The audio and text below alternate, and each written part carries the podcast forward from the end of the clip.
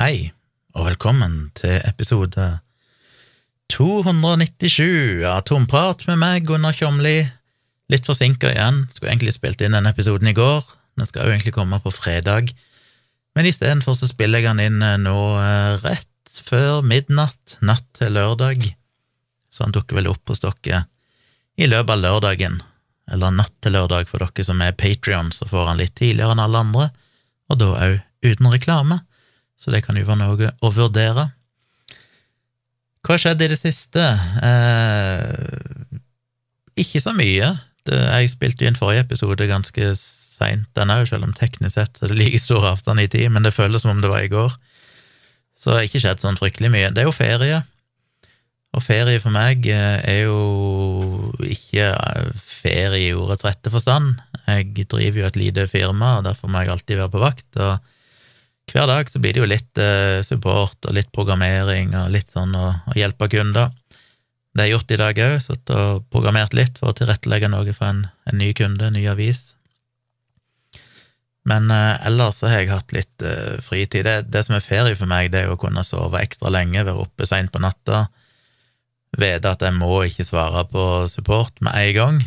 Vi er på en måte varsla om det, at i, i ferieavviklingsperioden så må kundene forvente litt treigere responstid, selv om jeg tror nok at den treige responstida som vi gir, er nok raskere enn den raske responstida som mange andre bedrifter gir, for vi svarer jo stort sett i løpet av noen timer, og de fleste instanser jeg noen gang har sendt en supportmail til, så vil det ofte ta dager før en får svar, så jeg tror ikke vi har noe stort problem sånn sett. Men det blir litt jobbing, sov lenge. Men eh, jeg har jo eh, blogga litt, så jeg skal snakke litt om det. Men i går så tok meg og Tone nok en tur ut, måtte komme ut litt i sola og strekke litt på oss. Og da fant vi ut at vi skulle gjøre noe som vi egentlig har hatt lyst til lenge, og det er rett og slett å dra inn i Baneheia. Fordi både meg og Tone syns jo denne Baneheia-saken er fascinerende og interessant. Vi så jo denne dokumentaren som gikk på Hvor var det? en? En eller annen NRK eller et eller annet. Det begynner å bli en stund siden. To-tre år siden nå. Et par år siden, iallfall. Ett år siden, to, jeg husker ikke. Men iallfall.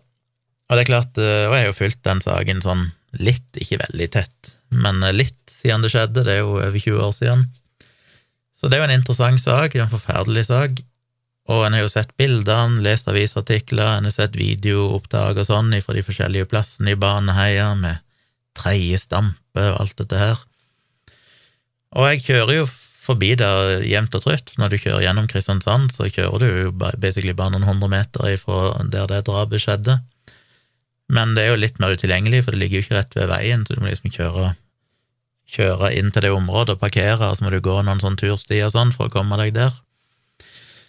Så jeg trodde jo, etter å ha sett alle kartene, eh, oversiktsbildene der ting er merka av og sånn, så så trodde jeg at jeg hadde et ganske godt internt bilde av hvordan det ser ut der oppe.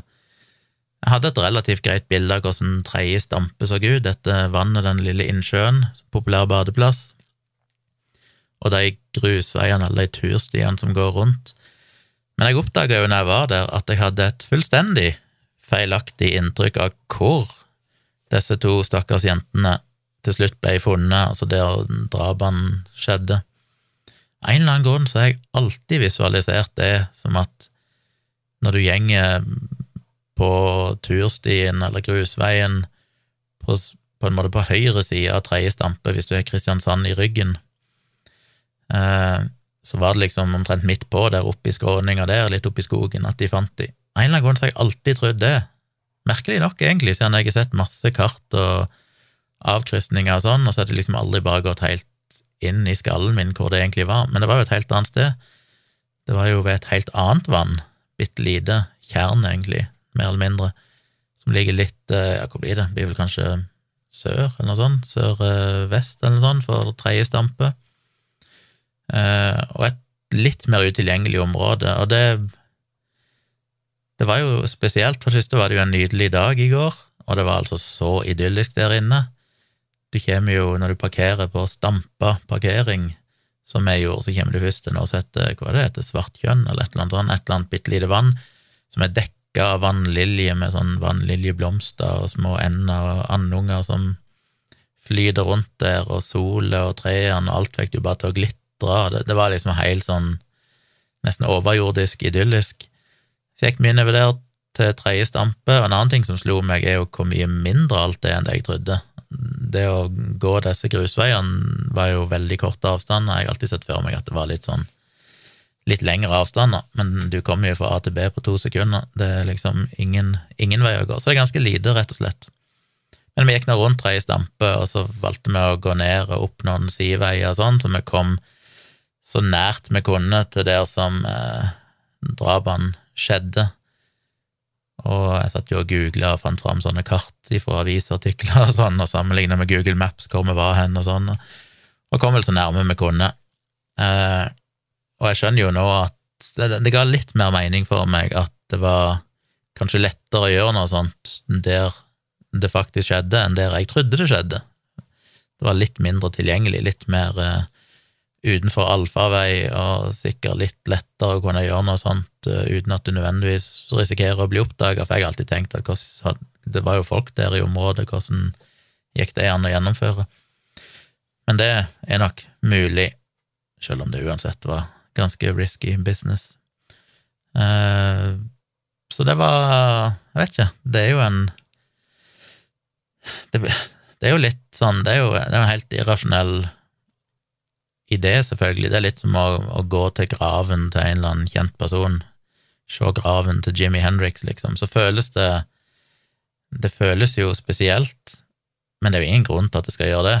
Det er jo liksom Det betyr jo ingenting. Det er litt det samme som at hvis jeg hadde holdt gitaren til Jimmy Hendrix, så ville det føltes veldig spesielt. Men det er jo fortsatt bare en gitar. Det er ikke som at eh, ånden til Jim Hendrix sitter i den gitaren. Men jeg har jo nevnt snakka om det før, og min mor jo, var jo på Beatles-konsert i London da hun var liten. Hun er jo engelsk, vokste opp i London. Og hun har jo den billetten limt inn i en av dagbøkene sine fra da hun var tenåring, og den har jeg sett, og det var for meg òg en sånn nesten religiøs opplevelse, liksom at shit, dette er en billett som faktisk ble printa og solgt tidlig i Beatles sin karriere, på deres storhetstid, eller tidlige storhetstid. Jeg husker ikke helt årene, om det var 64 eller 63 eller et eller annet eh, rundt der. Men det er jo fortsatt bare en papirbit med noe blekk på. Det er ikke noe spesielt med den billetten, men det føles som at du er litt nærmere Beatles enn det du ellers ville vært, bare det å liksom ta på den billetten. Og sånn er det jo litt her. Det er litt sånn andektighet å være, på det stedet og bare vite at ok, dette var den siste stien disse jentene så før de døde, dette var det siste plassen de var, dette var det siste de opplevde. At du på en måte får se og oppleve litt av det samme. Det var her de var, dette var den siste veien de gikk, siste de gjorde i livet sitt, som jo er helt grusomt, forferdelig trist å tenke på. Eh, helt, he, altså hele handlingen, som med de fleste drap, men kanskje spesielt den type drap på bare på små barn, er jo Det går liksom ikke an å sette seg inn i det. Det virker bare som at hvordan, hvor, hvor feil må det gå i skallen din når det kan skje?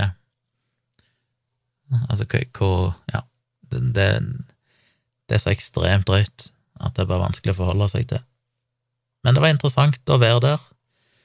Jeg eh, følte nok en viss andektighet, ja, og det var greit å ha fått et skikkelig inntrykk av stedet, spesielt nå som den saken igjen er blitt varm med alt eh, som skjer nå for tida. Så det var nå vi gjorde. Det var nå uansett en hyggelig tur. Kyla fikk seg en tur opp i skogen, og etterpå så kjørte vi ned og parkerte i Kristiansand, og så satte vi oss på en uh, uteservering der. Jeg spiste et Skagen smørbrød, drakk ei cola, og det var jo hyggelig å bare liksom komme seg litt ut, være på en liten uh, kjærestedate nede i byen. Bare slappe litt av og chille før vi kjørte hjem igjen. Så det var en, en fin tur. På kvelden så så vi Stranger Things, som vi endelig har fått begynt på. Vi begynte vel på den i, for et par dager siden. Så et par episoder, og så så vi et par episoder i går òg, som jeg har sett de fire første nå i siste sesong.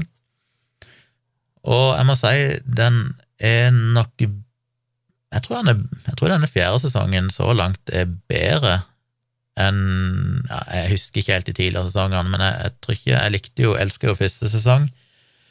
Tror ikke jeg syns andre og tredje var sånn superbra. Jeg likte de nok, men jeg tror nok det var litt sånn nedtur. Men jeg føler denne fjerde tror jeg er en opptur igjen, selv om, om jeg nok måtte ha sett de sammenhengene for virkelig kunne sammenligne de. Men jeg føles iallfall veldig bra, og er veldig bra, så den anbefales jo. Det er ikke en sesong som er noen nedtur, iallfall hvis du liker Stranger Things. De fleste av dere har sikkert sett den allerede.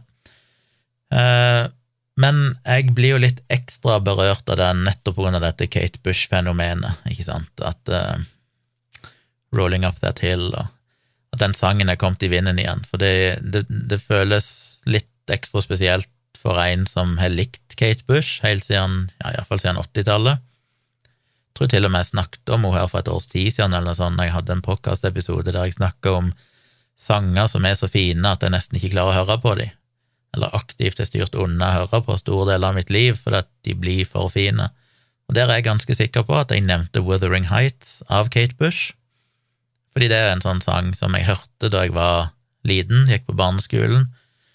Og når jeg gikk på barneskolen, så var det så mye i verden som, som påvirka meg på en sånn veldig sterk måte. Blant annet når jeg hørte den sangen der, så, så den, den, var nesten ubehagelig, fordi det ble så fint at jeg klarte ikke helt å, å prosessere det, konsumere det. Eh, og det satt liksom i, så jeg, det er ikke en, selv om det er en jeg syns er utrolig fin, så er det ikke en sang jeg har satt på med vilje, som er litt rart, ikke sant. Det er noe som du liker, det er fint, men du vil ikke eksponeres for det fordi det blir for for mye for meg. Så Kate Bush er jo likt lenge. Eh, jeg kjøpte jo et Kate Bush-album tidlig på 90-tallet en gang, i den tida jeg handla veldig mye CD-er. Jeg opparbeida meg et ganske rikholdig CD-arkiv på en del hundre album etter hvert, og kjøpte et album da. Det har jeg ikke hørt på på fryktelig mange år. Jeg husker egentlig ikke helt uh, hva jeg syns om det. Men iallfall, Kate Bush har alltid vært en greie for meg, og Rolling Up That Hill har jo vært en sang jeg har liksom visst om i, i basically 40 år. Så så det er jo det, vet ikke, det er noe med, i tillegg til at sangen passer veldig godt i serien den er jo, Det er jo få sanger som er så eh, fulle av stemning som den sangen der. altså Den er så stemningsfull at den er jo på grensa til at det er vondt å høre på den. Og den passer jo så godt inn i den stemningen i Stranger Things. Og nå skal jeg ikke spoile noen ting, men i måten han er brukt på i den ene episoden, der han liksom er en sentral sang i plottet, så hadde jeg klump i halsen, og, og kunne ikke ha prata til Tone på det i, de, et par minutter da, for da var det bare sånn jeg måtte, måtte ta meg sammen, for det var så sterkt for meg når den sangen da ble spilt i det øyeblikket.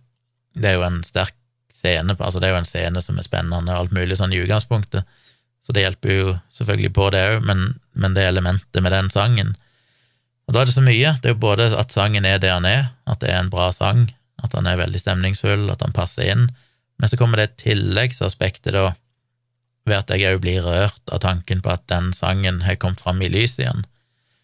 At Kate Bush har tjent 30 millioner et eller annet på at den sangen plutselig toppa hitlisten og sånn, og hun er vel den eldste, så jeg, eldste kvinnen som har toppa hitlistene, eh, så vidt jeg skjønte. Og litt sånn, brutt noen rekorder. Det er vel òg den sangen som har fått en nummer én-plassering lengst etter han ble publisert, så det er liksom mange rekorder som er blitt brutt med den sangen. Så hele det aspektet der, og så tenker jeg på dattera mi, og så tenker jeg på ungdommen generelt, som får høre den sangen og skjønner hvor bra mye av den gamle musikken er, og ja, litt sånn gubbegreie, men eh, men det var sterkt, rett og slett. Og det er vel hva er det, fire episoder igjen? Fem? Jeg husker ikke om det er åtte eller ni episoder, men vi har noen episoder igjen som vi skal kose oss med. Men i morgen tidlig så kjører vi jo til Tonstad. Kjører innom Kristiansand og henter dattera mi. Kjører vi til Tonstad, som sagt. Blir der hele dagen uten å overnatte, for vi kjører videre og ender opp da i Morgedal, der vi skal overnatte på hotell, og så videre til Oslo. Så vi får se om vi rekker å se noe mer Stranger Things før vi er tilbake igjen, men det kan være meg og Tone ender opp med å se litt Stranger Things på hybelen. Dattera mi har jo sett det for lenge siden, holdt hun si, så hun er jo, hun er jo før oss på det meste sånt. Så vi trenger ikke se det sammen med henne. Eh, jeg har skrevet to bloggposter. Den ene er jo Eller to bloggposter siden sist. Den ene har dere jo kanskje lest, håper for den syns jeg er lesbar. Eh, den heter Noen tanker om meningselitens privilegerte arroganse i debatten om ytringsfrihet. Jeg eh, våkna jo her Den posta jeg i går, altså torsdag blir det vel. Ja, så det var vel torsdag morgen jeg ble vekka av at eh, mobiltelefonen min ringte. Det vil si, jeg våkna ikke av det. Tone våkna av det, for den sto på lydløs, og han sto bare og dirra. Og Tone vekte meg og sa hei, telefonen din ringer. Og så var det et ukjent nummer.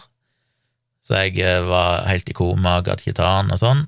Jeg tenkte at hvis det er noe viktig, så ringer de igjen, eller sender en melding eller en mail eller whatever. Det er jo sånn det er. Tar jo ikke telefonen for ukjente nummer.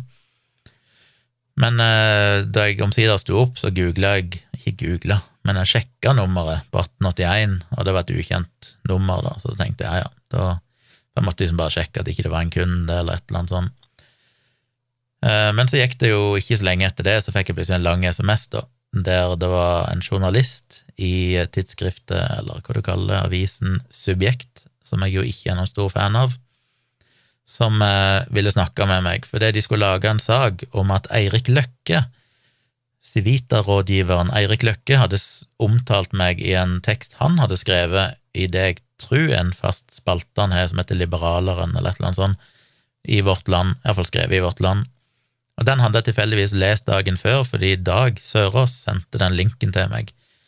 Så jeg leste den teksten, for den lå åpent, og var litt sånn øh, Hvor mange tekster er det nå blitt skrevet om den bloggposten min? Det er jaggu ikke få.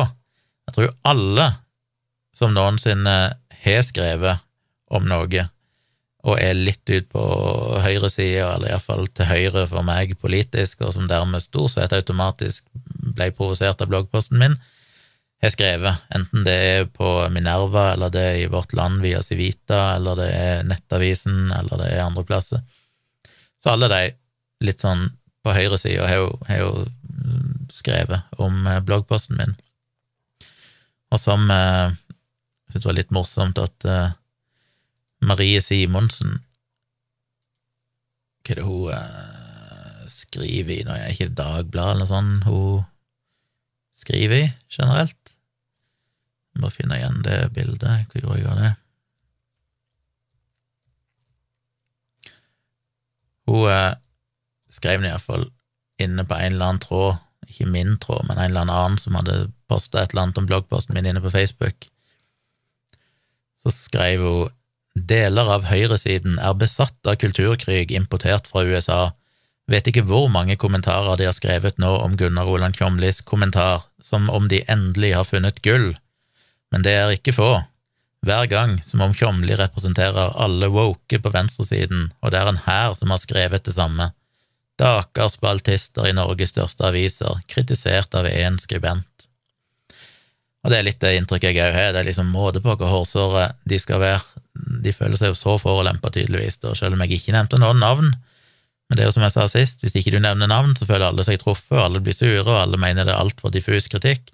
Hvis du nevner navn, derimot, så er det uthenging, og det er urettferdig kritikk, og alle går i forsvar av den, så du vinner jo ikke uansett hva du gjør. Men litt morsomt at hun òg hadde registrert det samme som meg, at det var påfallende hvor mange av de på høyresida som helt tydeligvis følte at dette må de forsvare seg mot. Men anyway, eh, han hadde da skrevet den teksten, og Subjekt vil gjøre en sak om den teksten hans, altså det kan jo ikke bli mer meta, men det viser jo litt hvordan han Dan B. Choi, sjefredaktøren i Subjekt, bruker alle midler for å forsvare seg sjøl som jeg påpekte i den ene bloggposten, at det første han gjør etter at jeg hadde blogga om det, det var å få han her fuckings Pål Henrik Hagen til å skrive en forsvarstekst for seg sjøl. Skal ikke jeg si at Choi fikk han til å gjøre det. Det er godt mulig at Hagen har skrevet det på eget initiativ, for han er jo ikke glad i meg. Men at han da publiserer en forsvarstekst for seg sjøl i sin egen avis, fremstår for meg som litt sånn ja, smålig, eller hva du skal kalle det. Men at da Subjekt i tillegg lager en artikkel om en annen person som har kritisert meg, og publiserer i sin avis fordi at Dan B. Joy føler seg truffet av kritikken min, er jo, trekker det jo bare enda lenger. Det begynner å bli ganske patetisk. Igjen, altså, jeg er en fuckings liten blogger som skriver et eller annet i bloggen min, og så bruker da tydeligvis sånn som Danby Joy flere artikler i sin egen avis for å forsvare seg mot dette her. Anyway, um, så det ble iallfall en tekst. Hun kontakta meg, ga meg et lite sitat som Erik Løkke hadde kommet med til henne da hun hadde snakka med han, og lurte på om jeg ville kommentere det. Det sitatet hun ga meg, var helt usammenhengende. Det, setningsoppbyggingen var helt uforståelig. Eh, hun, så jeg hadde to valg. Det var enten å spørre du kan, du kan du skrive det på nytt, for det du skrev, ga ingen mening. Eh, hun må ha stokket om på noen ord og brutt noen setninger midt i som var helt ja, men jeg hadde jo ingen interesse egentlig av å stille opp for subjekt. Jeg har jo sagt før, jeg har ikke noen store planer om å, å bidra til deres uh, idioti. Uh, så det ga meg egentlig bare et ekstra påskudd til å, å skrive en bloggpost. Det si, det er ikke helt sant, for jeg hadde begynt på den bloggposten før det. Jeg begynte faktisk på den etter at Dag sendte meg den linken, så tenkte jeg dette her må jeg skrive noe om. Men, jeg da, men så jeg skrev mye av bloggposten natta før, og når jeg da våkna opp av den telefonen for journalisten dagen etterpå, og så at de skulle gjøre en sak på den teksten av Eirik Løkke som jeg allerede hadde begynt å blogge om, så tenkte jeg da må få fingeren ut og skrive den ferdig og få publisert den. Så jeg gjorde det.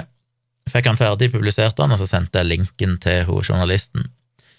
Um, den teksten i Subjekt kom vel ut samme dagen. Jeg har ikke fått lest den, for han ligger jo bak betalingsmur, og gud forby at jeg skal bli abonnent på Subjekt. Men eh, Så jeg aner ikke om hun refererte til min bloggpost, eller liksom sa at jeg hadde skrevet et tilsvar, eller lenka til han, eller noe sånt. Det aner jeg ikke. Men eh, jeg publiserte nå bloggposten. Og den håper jeg dere vil lese. Den er jo som vanlig litt lang. Eh, men jeg syns den var egentlig ganske bra fordi jeg følte jeg fikk sagt mye. Altså Som jeg har sagt før, den første teksten jeg skrev, som alle reagerte på, var jo, som jeg sa, litt sånn if you get it, you get it. Og litt avhengig av hvor du har vært i debatt eh, og sånn, så enten så skjønte du hva jeg sikta til, hva jeg mente, eller så skjønte du ikke det. Mange skjønte det jo ikke, fordi de ikke nødvendigvis vært med i de samme debattene eller har helt det samme verdenssynet. Og Derfor så er det jo vært nyttig å skrive et par bloggposter som jeg har gjort nå, der jeg kan avklare forskjellige aspekter ved det jeg egentlig mente. Altså det, det blir litt sånn dette er det du burde forstå for å kunne skjønne at den første bloggposten min uh, Hvis ikke du skjønte det, så må du lese disse, så kanskje du da skjønner hva jeg faktisk prøvde å si. Uh, og det åpner jo opp selvfølgelig for et nytt sånn interessant aspekt. Det er sånn, var det dumt av meg? Burde jeg heller ha skrevet en av disse bloggpostene først, en av de som virkelig forklarer hva jeg mener og er litt mer konkret og spesifikk. Og det er jo et tveegget sverd, som alt som regel er, fordi for det første så kunne jeg ikke skrevet den så fort, for det, disse her, litt, den første var jo litt mer sånn jeg skrev den på en time eller et eller annet sånt, bare pløyde ut noen tanker jeg hadde, det var ikke noe kildeanvisning og ingenting sånn, det var liksom bare dette det jeg føler og tenker nå. Uh, og det har jo historisk sett vært de bloggpostene som har blitt mest lest, jeg har jo skrevet et par sånne tidligere, og de som jeg liksom ikke har tenkt så mye på. det er bare, Jeg har en idé, jeg må bare få noe av hjertet. Get it off my heart, vet ikke om det er et norsk uttrykk. Eh, og så plutselig så har det sinnssykt med lesere, som er litt irriterende, for det er andre bloggposter så jeg bruker liksom 15 timer på å researche masse, masse kilder, sånn blir kanskje ikke så mye lest. Så det at jeg skrev den i affekt og, og kanskje var litt, gikk litt bredt ut og generaliserte litt, kanskje for mye, gjorde jo òg at den provoserte nok til at han fikk mye oppmerksomhet. Og det er jo selvfølgelig ikke noe jeg i utgangspunktet er en fan av, spesielt hvis det hadde vært noe som var direkte feil. Nå mener jeg ikke at det var noe som var direkte feil i den bloggposten jeg skrev, det var mer det som jeg sa, at tydeligvis ikke alle helt skjønte hvor jeg kom ifra når jeg skrev den, hvor jeg la til grunn for den kritikken min. Men det gjorde jo at han fikk veldig mye lesere, og fikk opp mye oppmerksomhet, og det starta iallfall en debatt, og det ga meg muligheten til å pløye på med nye bloggposter der jeg kan gå litt mer i dybden. Hadde jeg skrevet en, en mer omstendelig bloggpost første gang, så hadde sikkert ikke den fått særlig med lesere. Så det er det som er litt synd, ikke sant. Du må kanskje Og det var ikke bevisst på noen slags måte, det var ikke sånn jeg tenkte at nå skal jeg først skrive en provoserende bloggpost for å få oppmerksomhet, og så skal jeg jeg skrev han jo fordi jeg følte det var det rette å gjøre der og da. Hadde ikke tenkt at det skulle bli for det første noen debatt om det. Jeg hadde ikke trodd han skulle få så mye lesere, og trodde ikke at jeg skulle måtte skrive flere bloggposter etterpå i kjølvannet av det. Men sånn ble det, og etterpå Klokskapens lys så var kanskje det taktisk eh, heldig, men eh, ikke planlagt. Og ikke noe jeg har tenkt å gjøre bevisst i framtida, men det jeg gjør, det gjør jeg fordi det føles riktig der og da. Så nå har jeg iallfall skrevet en bloggpost til, og den går jo litt mer inn i det. Det er litt gjentakelse av ting jeg ikke har sagt før, ikke sant? Dette her misforståtte ideen om at mer ytringsfrihet alltid betyr mer ytringsfrihet for alle, eller mindre innskrenkinger i gåsehud av ytringsfriheten betyr at alle får mer ytringsfrihet. Det er jo ikke sant, fordi det ender jo som regel opp at de gruppene som generelt sett har blitt marginalisert, eh, da får bli det. Hvis du blir utsatt for rasistisk hets eller kvinnediskriminerende uttalelser eller transfobi i alle diskusjoner og kommentarfelt, så vil du kanskje ikke gidde å delta hvis du da er transperson eller en minoritetsgruppe eller kvinne. Og det vet vi jo, det er det mye empiri på. Så du må moderere debattene for å faktisk få mest mulig ytringsfrihet. Så jeg skriver litt om det, som jeg syns er sånn veldig Det det jeg kaller for privilegert arroganse fra Eirik Løkke, og det er det jeg opplever for mye av den høyresida, at de lever i en sånn boble der det er sånn Viser til noen gamle tyske filosofer og sånn, ikke sant, og ja, dette er så flott, men man må, må ikke ha noe innskrenking av ytringsfriheten. Men de har jo aldri vært de er jo stort sett, holdt jeg å si, litt klisjéfylte, hvite, privilegerte menn i, i, eh, litt oppi årene, som aldri har måttet være redd for noen ting. Jeg har alltid vært privilegerte, og derfor så ser de ikke den problemstillingen. Så det går jo igjen, og så viser han jo det går jo gjennom igjen, og så viser han jo til noen undersøkelser i USA som skal vise at eh, flere er redd for å ytre seg, for, for de er redde for reaksjoner som jeg påpeker at det er litt misvisende. For det første så er jo venstresida og unge eh, på ingen slags måte betydelig mindre opptatt av ytringsfrihet nå enn de var før. Tvert imot så øker jo sett toleransen for de fleste kontroversielle ytringer, hvis du ser på de undersøkelsene i USA. Dette blogga jeg om for noen år siden, og gikk gjennom ganske nøye alle disse studiene og sånn, eh, men jeg bare oppsummerer litt av det igjen i denne bloggposten og viser til at den der ideen om at det er venstresida som fører til at vi får innskrenka ytringsfrihet og sånn, er jo en løgn. Ja, jeg ser dilemmaene, jeg ser selvfølgelig at det som en gjerne kaller for woke i gåsehauget, kan gå for langt. Jeg skjønner at det har vært hysteriske utfall som ofte er ganske irrasjonelle og, kontraproduktive, men i praksis så er det jo høyresida som nå har innført forbud mot å snakke om LGBTQ, relatert innhold i barnehager og barneskoler, sånn som i Florida, eller at de har, i noen stater så er de forbudt undervisning i critical race theory, og ikke minst, det viktigste av alt, så er jo flere plasser så har de da fjerna tonnevis av bøker fra bibliotek og skole fordi de mener de er umoralske. Det kan være alt ifra at de har bilde av en naken eh, statue, en eh, Venus fra Milo eller hva den heter, et eller annet sånt, som da blir sett på som pornografisk og uegnet for barn å se, eller at de bare snakker om eh, reproduksjon, seksualitet eller et eller annet sånt, eller et bilde av ei naken dame med pupper og eggstokker for å vise hvordan det ser ut. Altså, det er helt absurd.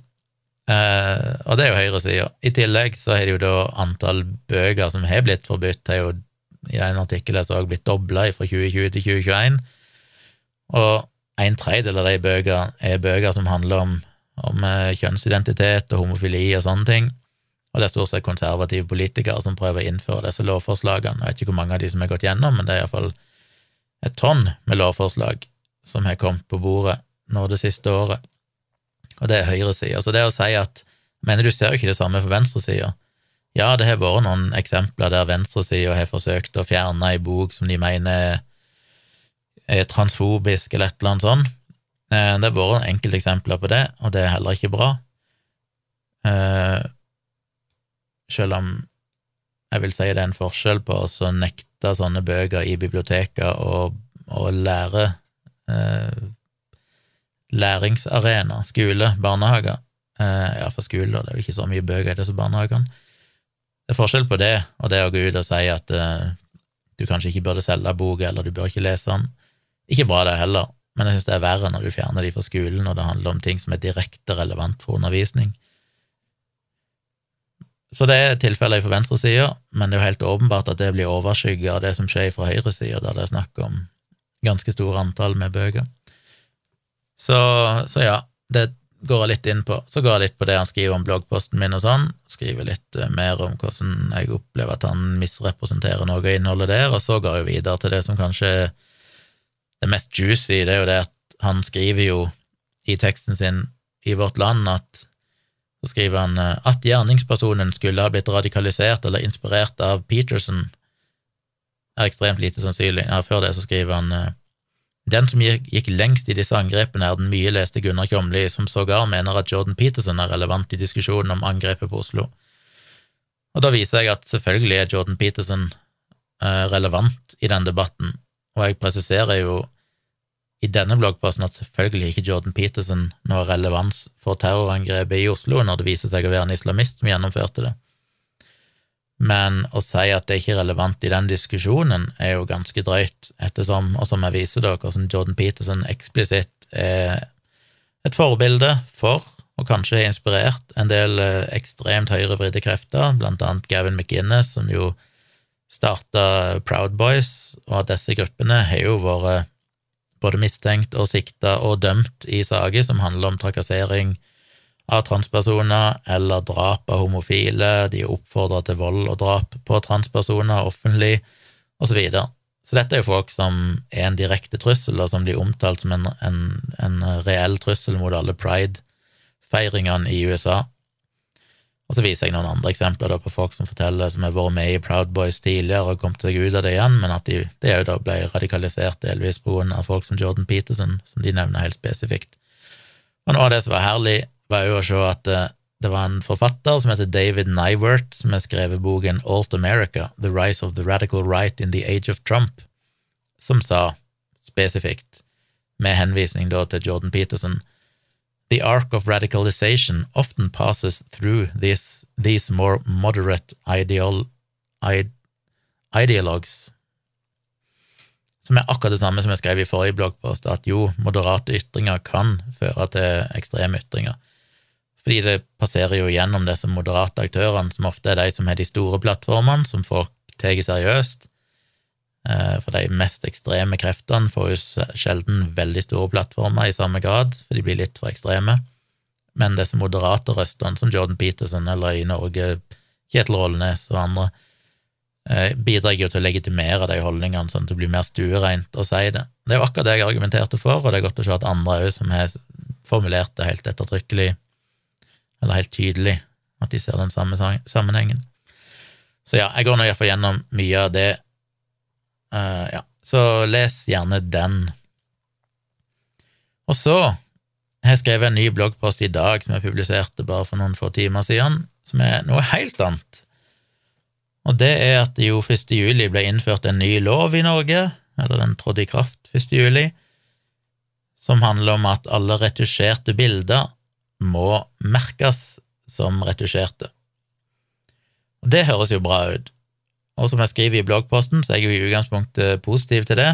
Hensikten er jo å fjerne mye av dette kroppspresset, sørge for at hvis influensere eller andre poster bilder av seg sjøl i reklamesammenheng, der de har fiksa huden sin, fjerna cellulitter, til og med kanskje manipulert fasongen på kroppen sin eller nesa si eller et eller annet sånt, så skal det merkes som retusjert, for du skal ikke gi urealistiske inntrykk av hvordan det går an å se ut, som kanskje er uoppnåelig å skaper mistrivsel hos uh, unge jenter.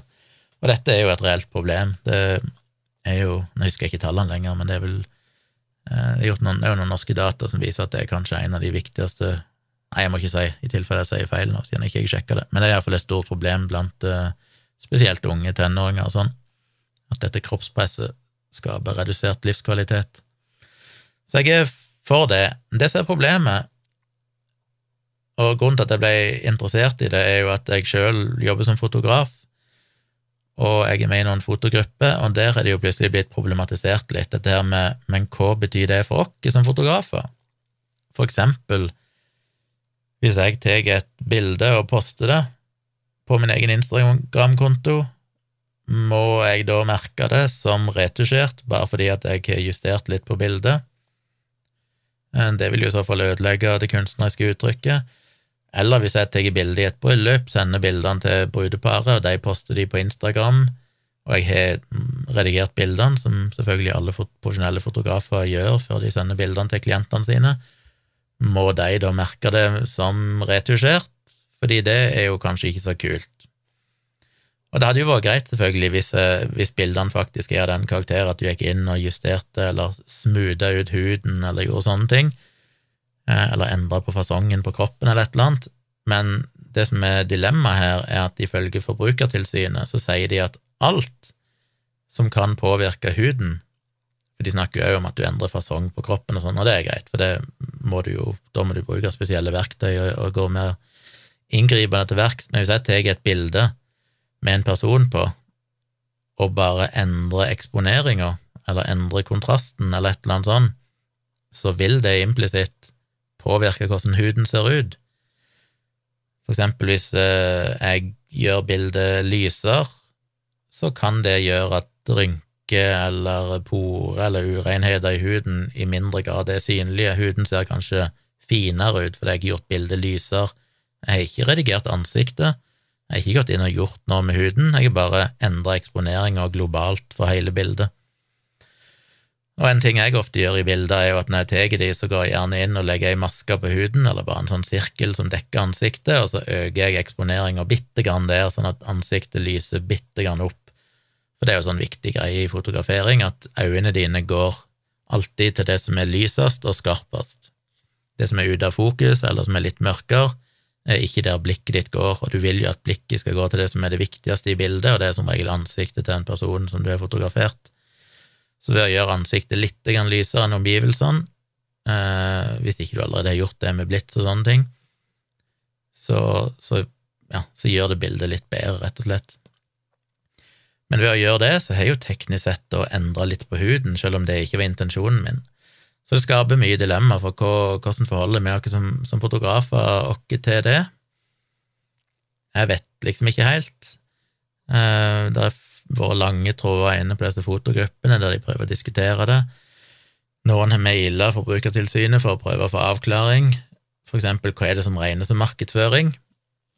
Hvis jeg deler bilder jeg har tatt sjøl på min egen konto, så er jo det en slags markedsføring, fordi jeg sier jo på en måte 'hei, se hvor flink jeg er', kanskje du òg vil at jeg skal ta bilder av deg? Selv om ikke det kanskje er det jeg tenker eksplisitt når jeg poster bilder, så er det jo sånn det kan oppleves.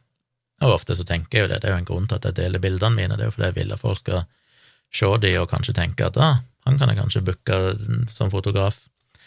Og da er jo indirekte, hvis en eller annen klient av meg ender opp med å dele bildene, hva skal de da gjøre? Eh, eller er det da markedsføring av meg, hvis de sier at eh, bildet er tatt av Tjomli Foto? Så det var litt vanskelig å forstå, og da svarer jo fotograf, nei, da svarer jo Forbrukertilsynet at med markedsføring og reklame menes alt som kan være med på å fremme næringsdrivende salg av et produkt eller tjeneste. Og Ut ifra det så kunne du da tolke det som at ok, da er jo alt som kan gi meg en fordel, som kan føre til at jeg får et ekstra salg, en ekstra kunde, er jo da markedsføring, og dermed skal merkes. Uh, ja. Og så er det jo Det ble jo innført for en tid tilbake, noen år siden vel, at du må òg merke reklame som reklame. Så hvis du poster noe på Instagram eller Snapchat eller noe sånt, som åpenbart eller som er reklame for et produkt, du sier 'Å, jeg er så fornøyd med denne sjampoen her ifra den og den produsenten', hvis det er reklame, at du har fått betalt for det, så skal det merkes som reklame. Selv om det er din ærlige mening, det er helt irrelevant om du faktisk mener det du sier, eller om de har sagt at du skal si dette. Så lenge det er reklame, så skal det merkes som reklame. Unntaket der er jo hvis det automatisk fremstår som reklame, det vil si hvis, som jeg bruker i bloggposten som eksempel, hvis Freia poster bilde av en sjokolade på sin egen Instagram-konto og sier 'hei, vi har kommet med en ny sjokolade', så trenger ikke de å merke det som reklame, fordi at Freia da åpenbart markedsfører sine egne produkter. Eh, men terskelen for å merke noe som retusjert er mye lavere. Så det kan være for eksempel hvis jeg tar bilde av eh, en av disse restaurantene mine, tar bilde av en matrett, og så står det en kokk og holder en tallerken, så du ser et menneske i bildet, og jeg da redigerer bildet ved at jeg endrer litt kontrast, lysstyrke, kanskje lysende ansiktet hans litt, så han skal stå mer fram, alt det der, så er det bildet per definisjon retusjert. Hensikten er jo ikke at han skal fremstå som mer attraktiv eller som mer perfekt. Det handler jo bare om at bildet skal fremheve maten og stemningen og alt dette her, men som en bieffekt av den redigeringa så vil jo huden hans påvirkes, og så lenge huden er påvirka, så skal det teknisk sett merkes som retusjert. Og da kommer en i et dilemma. Betyr det at når jeg da tar bilder av Brasserie Hansken, maten og folkene der, og sender til deg, og de skal dele det på sin Instagram-konto, så er det jo sånn at de må ikke merke det som reklame, fordi det åpenbart er reklame når de poster det på sin egen konto, men de må allikevel merke det som at det er retusjert. Og det tror jeg vil være Det er jo et stort problem for mange fotografer. Det samme gjelder jo hvis du jobber med bedriftsfoto, tar bilde av Det har jeg gjort tidligere, tatt bilde hos en bedrift av folk som jobber der og sånn. Da er jo det, det er jo ikke portrettbilder, det er jo bare bilder av lokaler når folk sitter og jobber og sånn, men jeg går jo inn og redigerer bildet. Jeg gjør det kanskje litt lysere eller mørkere, eller gjør litt mer kontrastfullt, kanskje booster fargene litt. Alle de endringene der kan påvirke huden, ergo så skal det merkes som retusjert. Så det vil si at hvis de da bruker de bildene i en eller annen sammenheng, så må de faktisk merke de som retusjert. Og det er jo det som blir så hårreisende, for det, jeg skjønner intensjonen med loven, men på bilder der utseendet til personen ikke er det som er viktig, bildene ikke redigert for at disse menneskene skal se finere ut, bildet er redigert for at bildet skal se finere ut, som helhet, eller kanskje fremheve enkelte elementer, og så videre.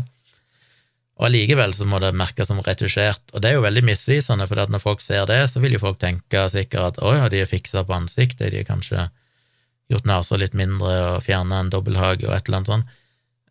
Så det gir jo helt feil inntrykk av hva som faktisk er gjort. En trenger ikke å ha rørt ansiktet, trenger ikke å ha rørt personen i det hele tatt, men så lenge du endrer bare lyset, så er det nok.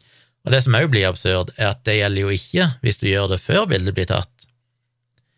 Så hvis jeg tar et bilde med blits, eller rigger opp eh, skikkelig lys og tar bilde, så trenger jeg ikke merke det. Men hvis jeg ikke har det lyset der, og tar bilde, og istedenfor skru opp lyset i Lightroom eller Photoshop eller noe sånt, sånn at sluttproduktet blir akkurat det samme, det ser helt likt ut i praksis, helt likt ser det ikke ut, men effekten på huden blir i praksis den samme, så må jeg merke det som retusjert.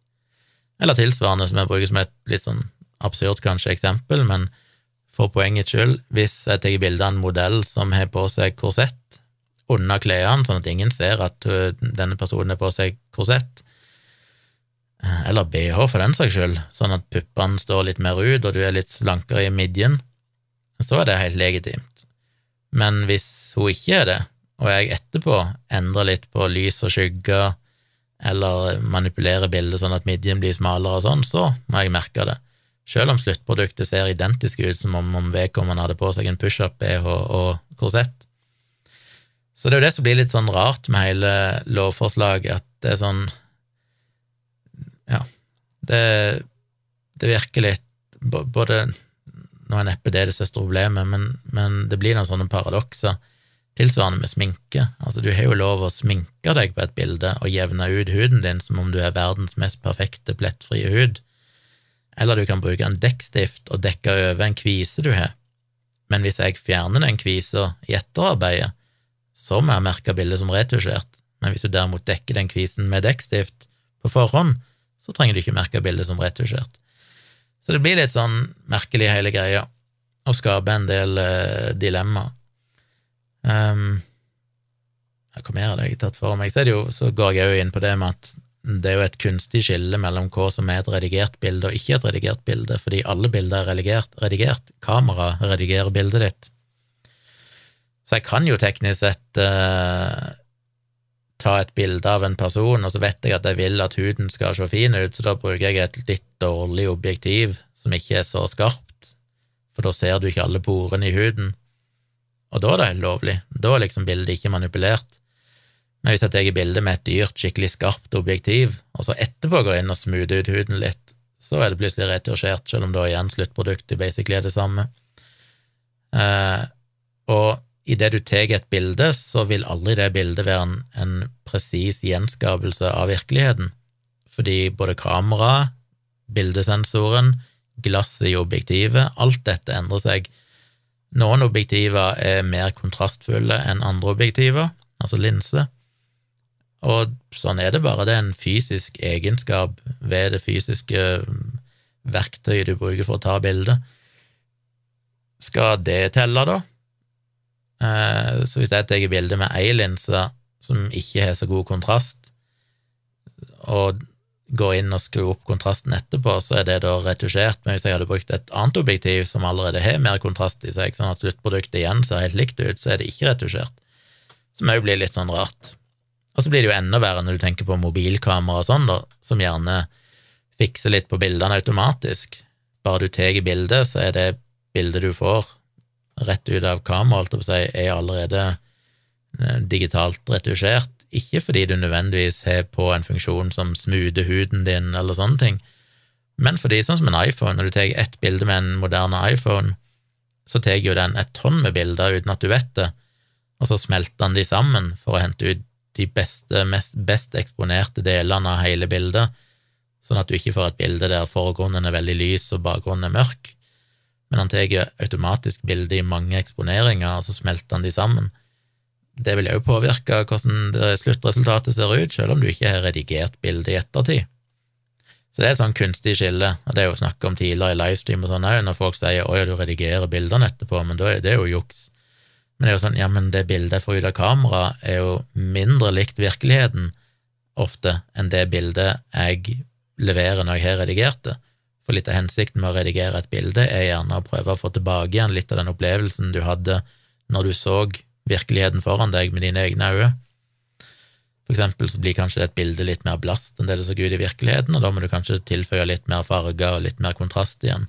Så den redigeringa der betyr ikke nødvendigvis at bildet er mindre realistisk, det kan gjøre at det er mer realistisk. Så det er en sånn kunstig skille mellom hva som er redigering og ikke redigering, og det finnes ingen bilder Verken igjen, hvis du tar bilde med analog film, som i gamle dager, så er jo egenskapene til filmen helt av, avgjørende for hvordan personen på bildet blir seende ut, og hvordan huden blir seende ut. Så dette er litt sånn kunstige skiller.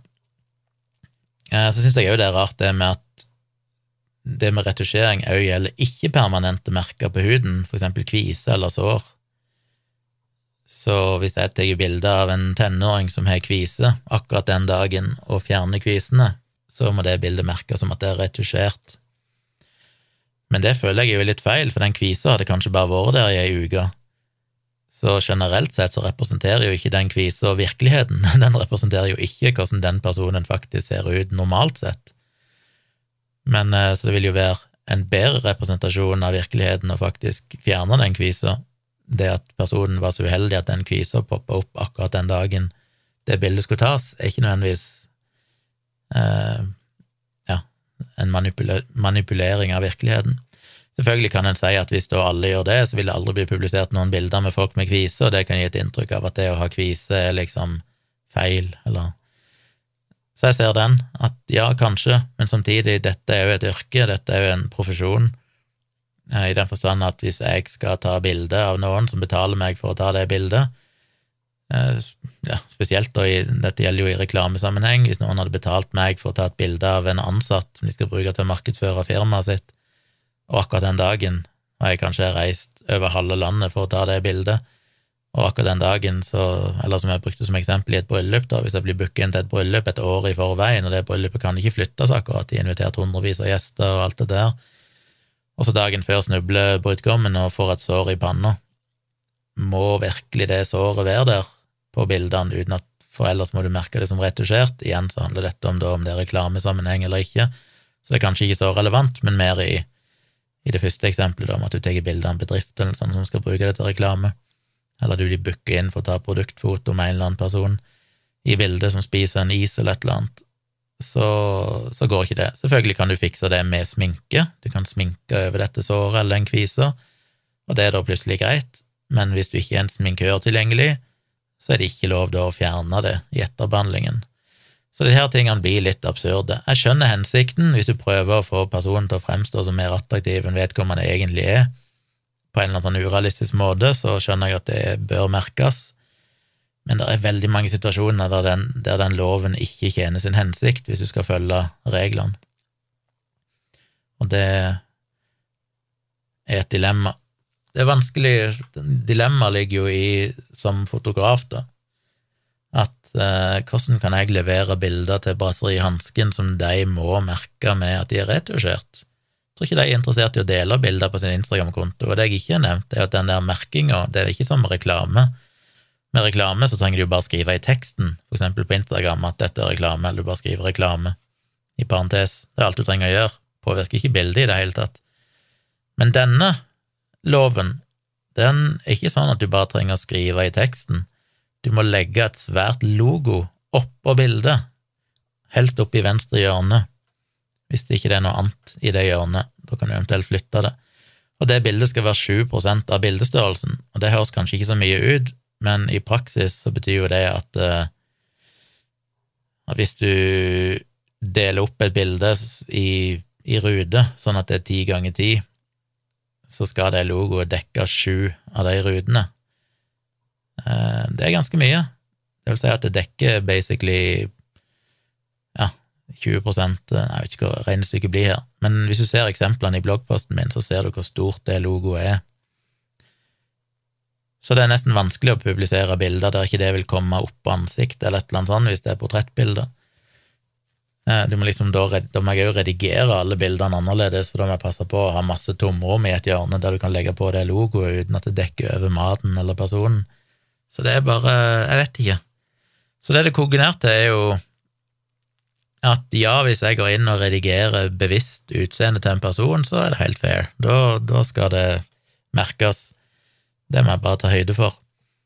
Men hvis jeg bare endrer kontrast og eksponering, og grunnen til at jeg bruker de eksemplene, ikke bare tatt ut av det blå, dette har folk spurt Forbrukertilsynet om spesifikt, og de svarer at ja, det er inkludert alt som kan teknisk sett eh, påvirke huden, er ramma av dette lovverket.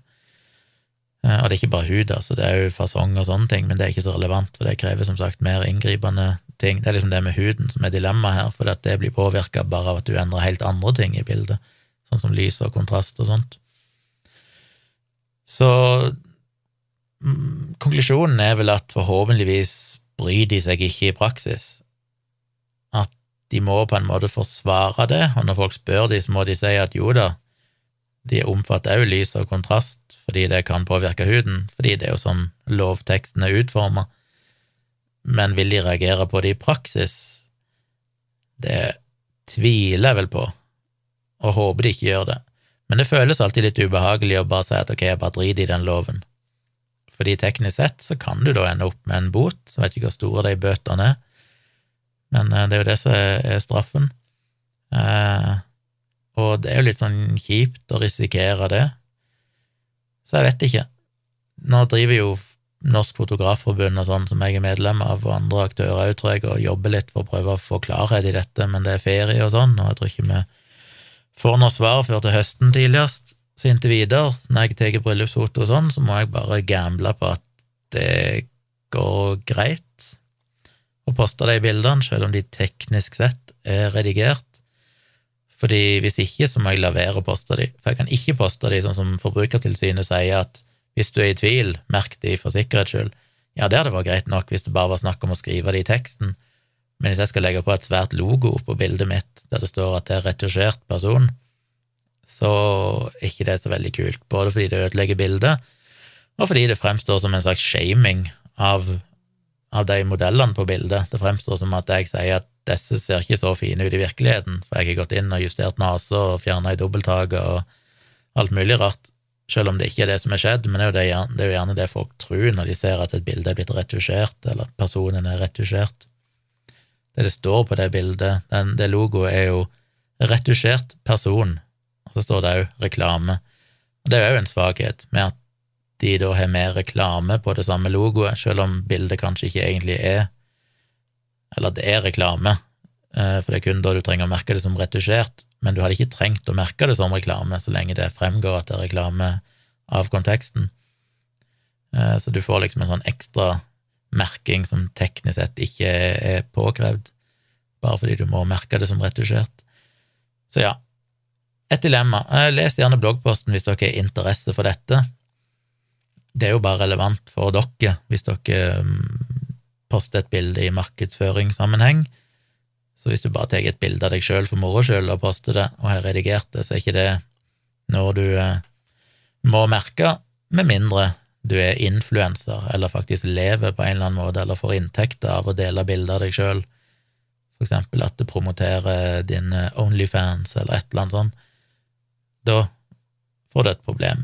Og det har vært litt sånn dilemma med, med sånn som for Tone òg, hvis hun deler et bilde som markedsfører en YouTube-video hun har laga, og den eh, Hun har jo teknisk sett litt inntekter på YouTube, mikroskopisk riktignok, men i prinsippet, så lenge du tjener ei krone, så er det jo en inntekt, en næringsinntekt. Eh, så hvis hun da gjør noe som helst med det bildet der, som hun vel som regel gjør, ikke at hun fikser på ansiktet sitt og sånn, men hun kanskje bare endrer litt lysstyrke eller et eller annet sånn kontrast, så må hun egentlig merke den thumbnailen til video, videoen med at dette er retusjert person som blir litt håpløst. Så jeg vet ikke. Dette, sånn som lovverket er nå, så er det iallfall helt uh, uhåndterlig eller uoverkommelig for en fotograf eller hvem som helst andre som poster bilder der de markedsfører seg sjøl eller andre. Men jeg håper jo det kommer en, uh, en klargjøring som sier at sånn i praksis, hvis du, hvis du ikke spesifikt har gått inn og faktisk smootha ut huden din eller gjort noe sånn som er til hensikt å få deg til å se bedre ut, så ser vi gjennom fingrene med dette. Foreløpig ikke det kommet, så da er vi litt i en sånn gråsone der vi ikke helt vet. Men les gjerne bloggposten for å få lese alle lovtekstene og flere dilemmaer som jeg trekker fram, som kan være relevante. Um, og så oppdaterer jeg jo bloggposten fortløpende i bånden når det kommer flere avklaringer, så hvis dere er usikre i framtida, sjekk gjerne ut den bloggposten igjen, for da håper jeg kanskje at jeg har fått klargjort noen ting. Kanskje vi får noen svar og sånn etter hvert som jeg kan legge til.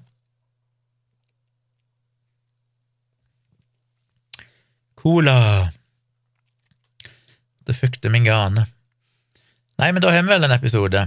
Jeg eh, kommer ikke til å eh, Ja, forresten, jeg lenker jo til de her bloggpostene og sånn i shownotes, men ellers så finner dere de jo på tjomli.com. Eh, det blir ikke noen episode på tirsdag, som sagt. altså tirsdag, Førstkommende tirsdag, fordi jeg skal til, på tur til Oslo. Men muligens så blir det en livestream på tirsdag. Jeg droppa den og tirsdagen som var, siden meg og Tone hadde en felles ærlig talt på søndag kveld som var. Da føltes det litt sånn fort å ta en ny livestream. Men jeg kommer jo tilbake igjen i Oslo på tirsdagen, så det er mulig, hvis jeg har overskudd til det, at jeg tenker at ja, tar en livestream, så følg med på det. Det kan være det dukker opp en livestream tirsdag kveld. Um, ikke noen podkast, men det kommer en eller annen podkast sannsynligvis en gang neste uke, kanskje neste fredag. Det er iallfall målet. Og så har jeg ideer til flere bloggposter jeg vil skrive, så jeg er litt sånn stressa av at jeg skal reise vekk nå, jeg får ikke blogge. Men uh, nå som jeg endelig har liksom noen ideer og, og og tid, siden jeg tar litt ferie, så jeg har plutselig litt tid til å gjøre dette. Men jeg får se, jeg drar jo med meg Macbooken, selvfølgelig, så kanskje det blir mulighet til å blogge, hvis ikke så får jeg se om jeg fortsetter på det neste uke en gang. Skrive et par bloggposter til som jeg har planlagt. Men eh, ja, takk for at du hørte på. Jeg har vel ikke noe mer å tilføye. Men gå gjerne inn og rate podkasten og alt dette her. Min mailadresse er tompratpodkast.gmail.com. Send gjerne spørsmål og feedback og tips og alt mulig sånn til den, så tar jeg det opp i kommende episoder. Og fuck, nå glemte jeg at eh, jeg har fått litt tilbakemeldinger på det med omega-3. Eh, noen klargjøringer der, som jeg snakket om i forrige episode. Det skal jeg ta i neste episode, rett og slett. Det orker jeg ikke nå når jeg kommer meg i seng, for jeg må tidlig opp i morgen. Må pakke ut, det har jeg heller ikke gjort. Så jeg skal prøve å få tatt opp igjen det i neste episode. Så takk til dere som har maila meg om det, men eh, rakk visst ikke det nå. Det ble for mye annet. Men takk for at du hørte på. Jeg er tilbake igjen en eller annen gang i neste uke. I mellomtida får dere kose dere med sommer og sol, forhåpentligvis. Og så høres vi igjen snart.